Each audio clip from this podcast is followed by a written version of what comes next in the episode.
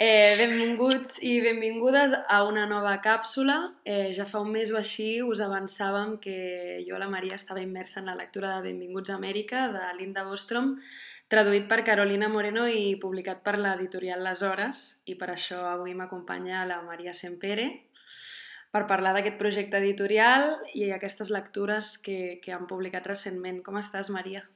Doncs molt bé, molt contenta de que ens hagueu convidat a l'editorial Les Hores a parlar bueno, del nostre projecte i de Benvingut a Amèrica en aquest cas. Moltes gràcies. Eh, per començar una mica, si em vols parlar del projecte de les hores, així, abans de fer-te cap pregunta. Bé, doncs les hores va, vam publicar el nostre primer títol al maig, aquest, aquest mes de maig eh, farà quatre anys, és a dir, que l'any vinent ja tenim celebració de, del primer quinta, els, els primers cinc anys. I bé, mm, vam néixer amb la voluntat de publicar narrativa de ficció en llengua catalana eh, en els àmbits que nosaltres ens interessaven, no? que era una mica bueno, els temes eterns al final al voltant de l'individu, no? les relacions humanes, la vida, la mort, no? que fem una mica aquí intentant bé, que els nostres llibres qüestionin eh, o es preguntin sobre aquestes realitats i ens ajudin a comprendre una mica el món d'avui. I aleshores, per fer-ho, el que tenim són com tres grans línies de publicació. Per una banda seria traducció d'autors contemporanis que actualment als seus països estan tenint eh, renom i força reconeixement no? i que són així una, una escriptura no? doncs més, més diferent, amb unes reflexions com més alternatives. I després estem publicant també autors internacionals que són molt coneguts, és a dir, que estan àmpliament traduïts en moltes llengües i que en castellà també estan publicats àmpliament, però que en català no estaven publicats, que és l'exemple de la Jamaica Kincaid, la Flor Jagui, ara darrerament també hem fet la Raquel Cusk, i mm, aleshores eh, la última línia, que ja esperem que aquest any estrenar-la, perquè encara no l'hem estrenat, després d'aquests quatre anys, és publicar doncs, autors originals en llengua catalana. I aleshores aquest any estem treballant un manuscrit que esperem que surti dintre d'aquest eh, 2021 i serà la nostra eh, següent, bueno, una de les nostres apostes d'aquest any i aquestes no serien com les tres línies de publicació que, que fem des d'aleshores. No? Al final, volem, no, com deia tinc aquí el, a Kafka, no? De publicar llibres d'aquells que no, que es garrapin, que mosseguin, és a dir, que te'n recordis que te'ls has llegit, no? I la majoria d'ells, si heu llegit alguns, doncs bé, se't queda una mica bé, una reflexió o un, no? una, una base no? de, bueno, que, que sovint molts, molts dels nostres lectors ens diuen que segueixen recordant encara les nostres novel·les passat un temps, no? I aquest és una mica també la voluntat de, de les hores. És totalment el cas de, de Benvinguts a Amèrica i ja entrarem en, en el tema de la novel·la de, de Linda Bostrom. Deixa'm comentar-te un, una frase que, que teniu a la vostra web que dieu que hi ha una voluntat de dinamitzar la relació entre autors, lectors i llibreters, eh, dient que és essencial per apropar i enriquir mons clarament complementaris i interrelacionats. Clar, això eh, en el context d'ara, amb tanta novetat editorial, eh, quin paper té les hores o aquesta, aquesta frase, sobretot, si me'n pots parlar de... perquè vosaltres eh, eh, veu crear l'editorial juntament amb, amb, amb un altre... Ara no em surt el nom. Amb el Manel Gómez. El Manel Gómez també col·labora, és un col·laborador també de, de l'editorial, sí, sí, a la part de selecció de títols i tot aquest àmbit. Doncs sí, bueno, nosaltres, eh, clar, al final, no, és veritat que ara en temps de pandèmia és, segons com, més complicat, però també hem trobat que potser també hem descobert no, unes possibilitats doncs, que abans no teníem tan presents. No? Nosaltres intentàvem fer clubs de lectures amb llibreters, quan podíem convidàvem algun autor, eh, per intentar precisament dinamitzar la relació no, entre aquests tres eh, actors. No?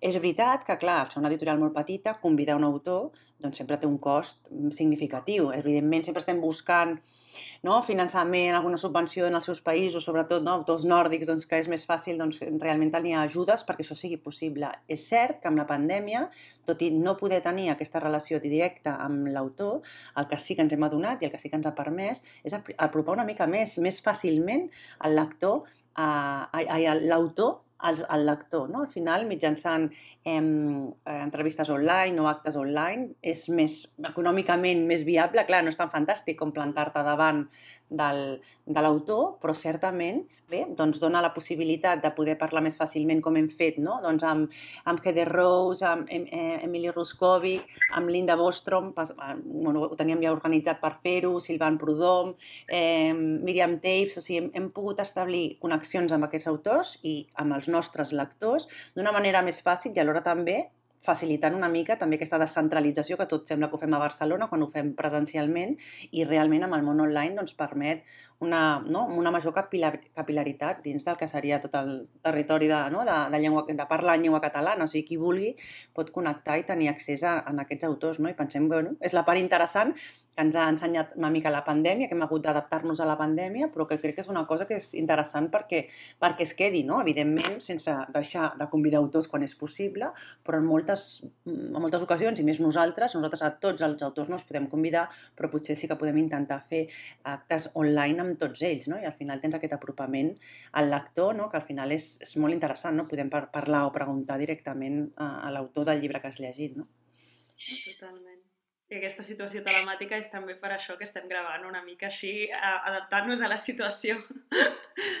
um, per seguir, una cosa que em va cridar molt l'atenció, eh, a part del projecte en general de les hores, perquè aviat, bueno, sorgeix una mica del no-res i comença a tenir molta força i, i és, bueno, té, uns, té uns trets molt significatius de que tu veus un llibre i saps que és de les hores, no?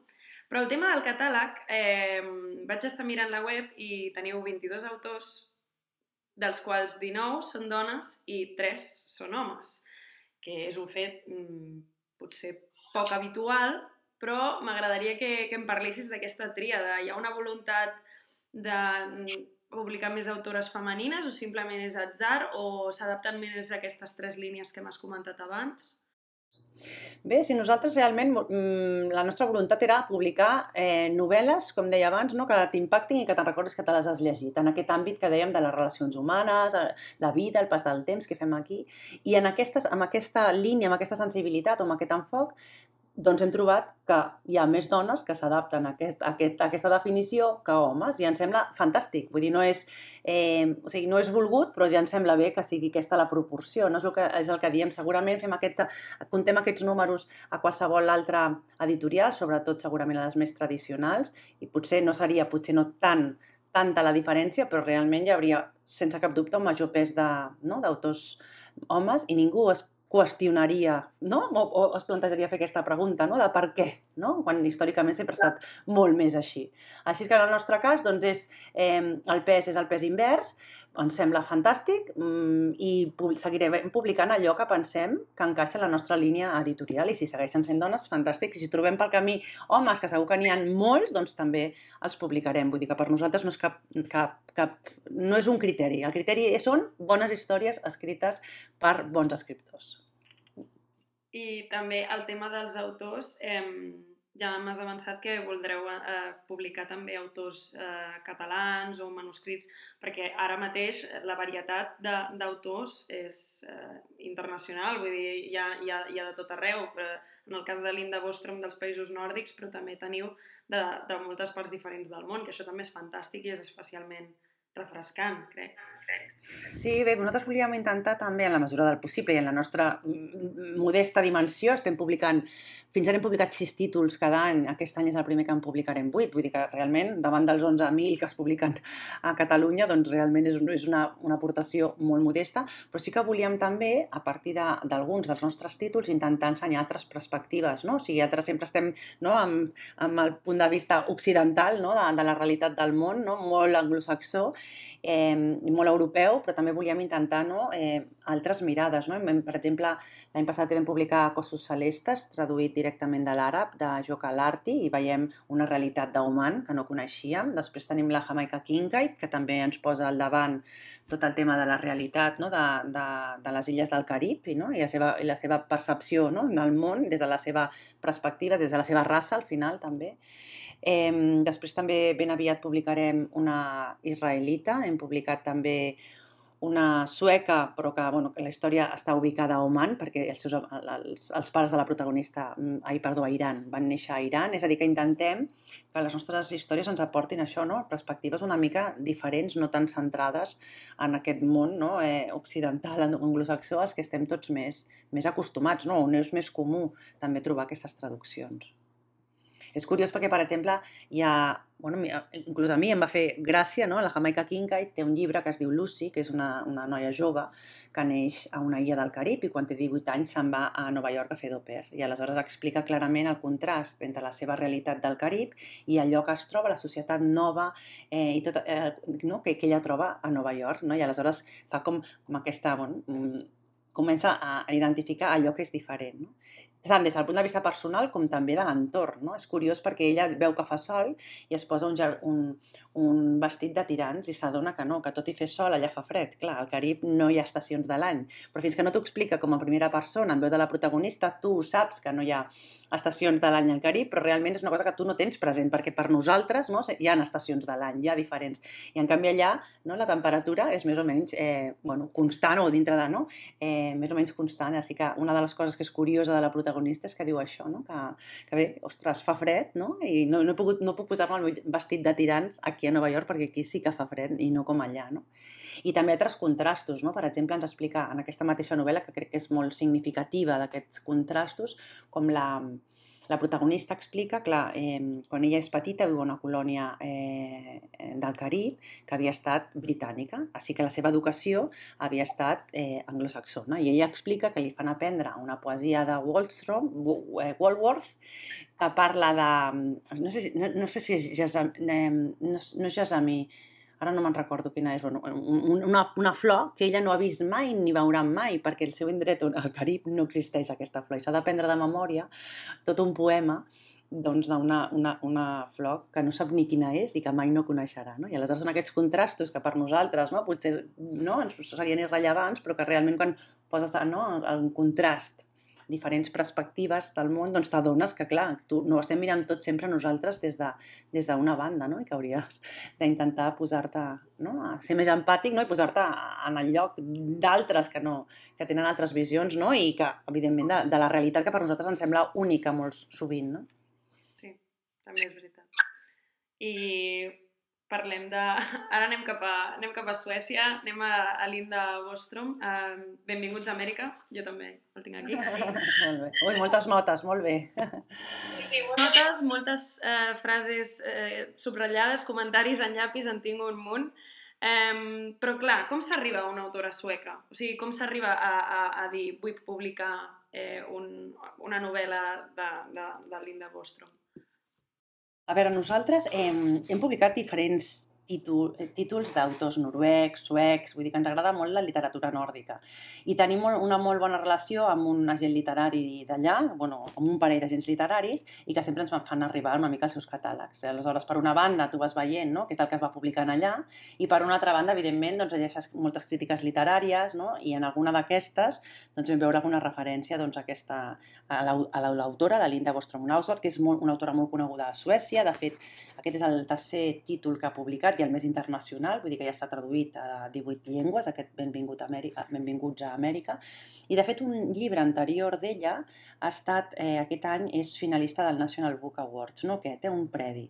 Però vull dir que eh, era una autora que nosaltres ja més o menys teníem, bueno, havíem sentit anomenar en algun moment o altre, havíem llegit alguna crítica i bueno, vam pensar bueno, que era un moment d'endinsar-nos. Vam llegir les seves diferents novel·les Eh, I vam decidir començar per aquest Benvinguts a Amèrica, que és la, com la més internacional. No? I pensàvem bueno, que la temàtica que tractava, bueno, ara la comentaràs tu més en profunditat, però era molt interessant no? en, aquesta, en aquesta línia no? de, del tipus de narrativa que volem publicar.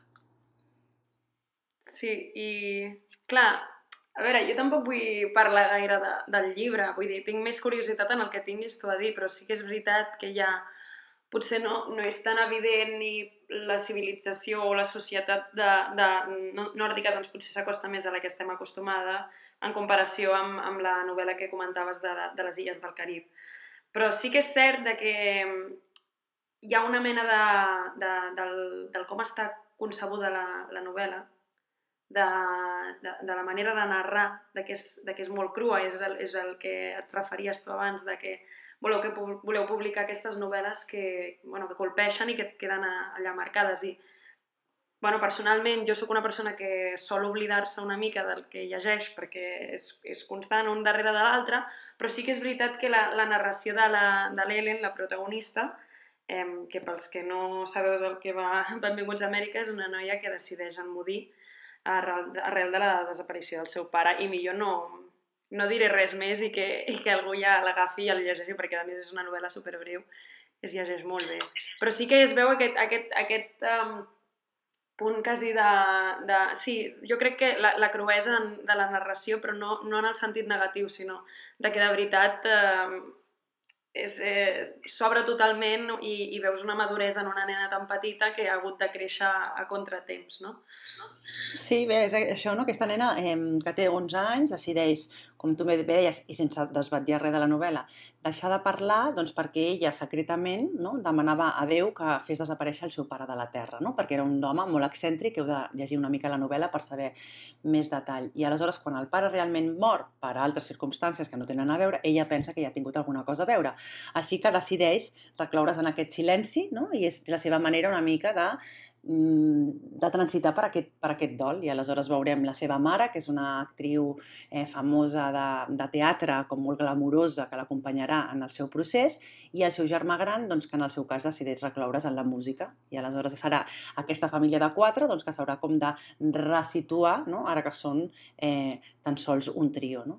Com comentaves, eh, amb, els, amb els altres títols que també hem publicat d'autors noruecs o suecs, sí que sempre eh, és curiós perquè al final, bueno, deu ser, bueno, hem, deduïm no, que segurament té a veure amb el tipus de societat. No és una societat que al final és com molt progressista en certs respectes, però és veritat que la gent se sent molt sola i està molt sola. No? I aleshores moltes d'aquests autors noruecs o suecs, la seva narrativa és molt introspectiva, no? molt, bueno, com en aquest cas, eh, reflectida en els pensaments de la Ellen, no? d'aquesta nena. Nosaltres seguim el que pensa la Ellen, el que fa la Ellen, no? però molt, com deies tu, no? com molt des de dins seu, no? Agafes al final una estima no? i veus les seves reflexions i com ella va fent tot aquest procés una mica cap, cap a la maduresa, no? Però, però també això, no? Amb aquesta sensibilitat, no? Que al final, bueno, mm, fa que la novel·la sigui, com deies tu, no? Molt colpidora, al final. Sí, a, a més, és, és, hi ha aquests moments de, de, com que està narrant des de dins, en un primer moment sí que sembla una mena de crònica familiar, aquest retrat d'aquesta família que s'ha de refer amb aquesta situació, però acaba sent també una novel·la molt introspectiva perquè a estones eh, acabes... Eh, acaba el, el lector dialogant amb, amb els pensaments de la, de la Ellen, no? que al final construeix un, un monòleg preciós i, i és, és especialment colpidor. Eh, M'agradaria també parlar i destacar que la traducció del suec és de Carolina Moreno, Sí. Eh, impecable, vull dir que la, la traducció penso que és impecable, està feta, bueno, part molt, molt acurada, com sempre treballa la Carolina Moreno, eh, bueno, amb aquest, no, encertant com molt les paraules, la sensibilitat, o sigui que segueix tenint, no, tot una, bueno, tot un, una, una ramo de fons, no, que acompanya una mica tots aquests pensaments de, de la nena. Penso que està molt ben trobat, no, el, el ritme, l'estil de narrativa, la traducció, penso que està molt, molt aconseguida en aquest sentit. Eh, ja, ja veieu, eh, tinc mil notes i mil ganes de seguir parlant ah, de Benvinguts a Amèrica. Feia temps que esperava poder parlar amb, amb la Maria sobre aquest títol de Linda Bostrom i traduït per Carolina Moreno Tena. Ha estat un plaer. No puc avançar, no podem avançar el gruix de la novel·la realment perquè la gent l'ha de llegir, però moltes gràcies per estar una estona dialogant amb mi, Maria. Ha sigut un plaer. Un plaer moltes gràcies eh, per convidar-me, vull dir que jo, jo nosaltres encantats de poder explicar les nostres propostes i el, i el nostre projecte, vull dir que molt agraïda perquè ens hagueu donat aquest espai. I, i es, eh, ens despedim. Moltes gràcies també per, per veure'ns i aquí seguim en contacte i ens veiem a la propera càpsula. Fins aviat, gràcies. Fins aviat, adeu Maria, gràcies.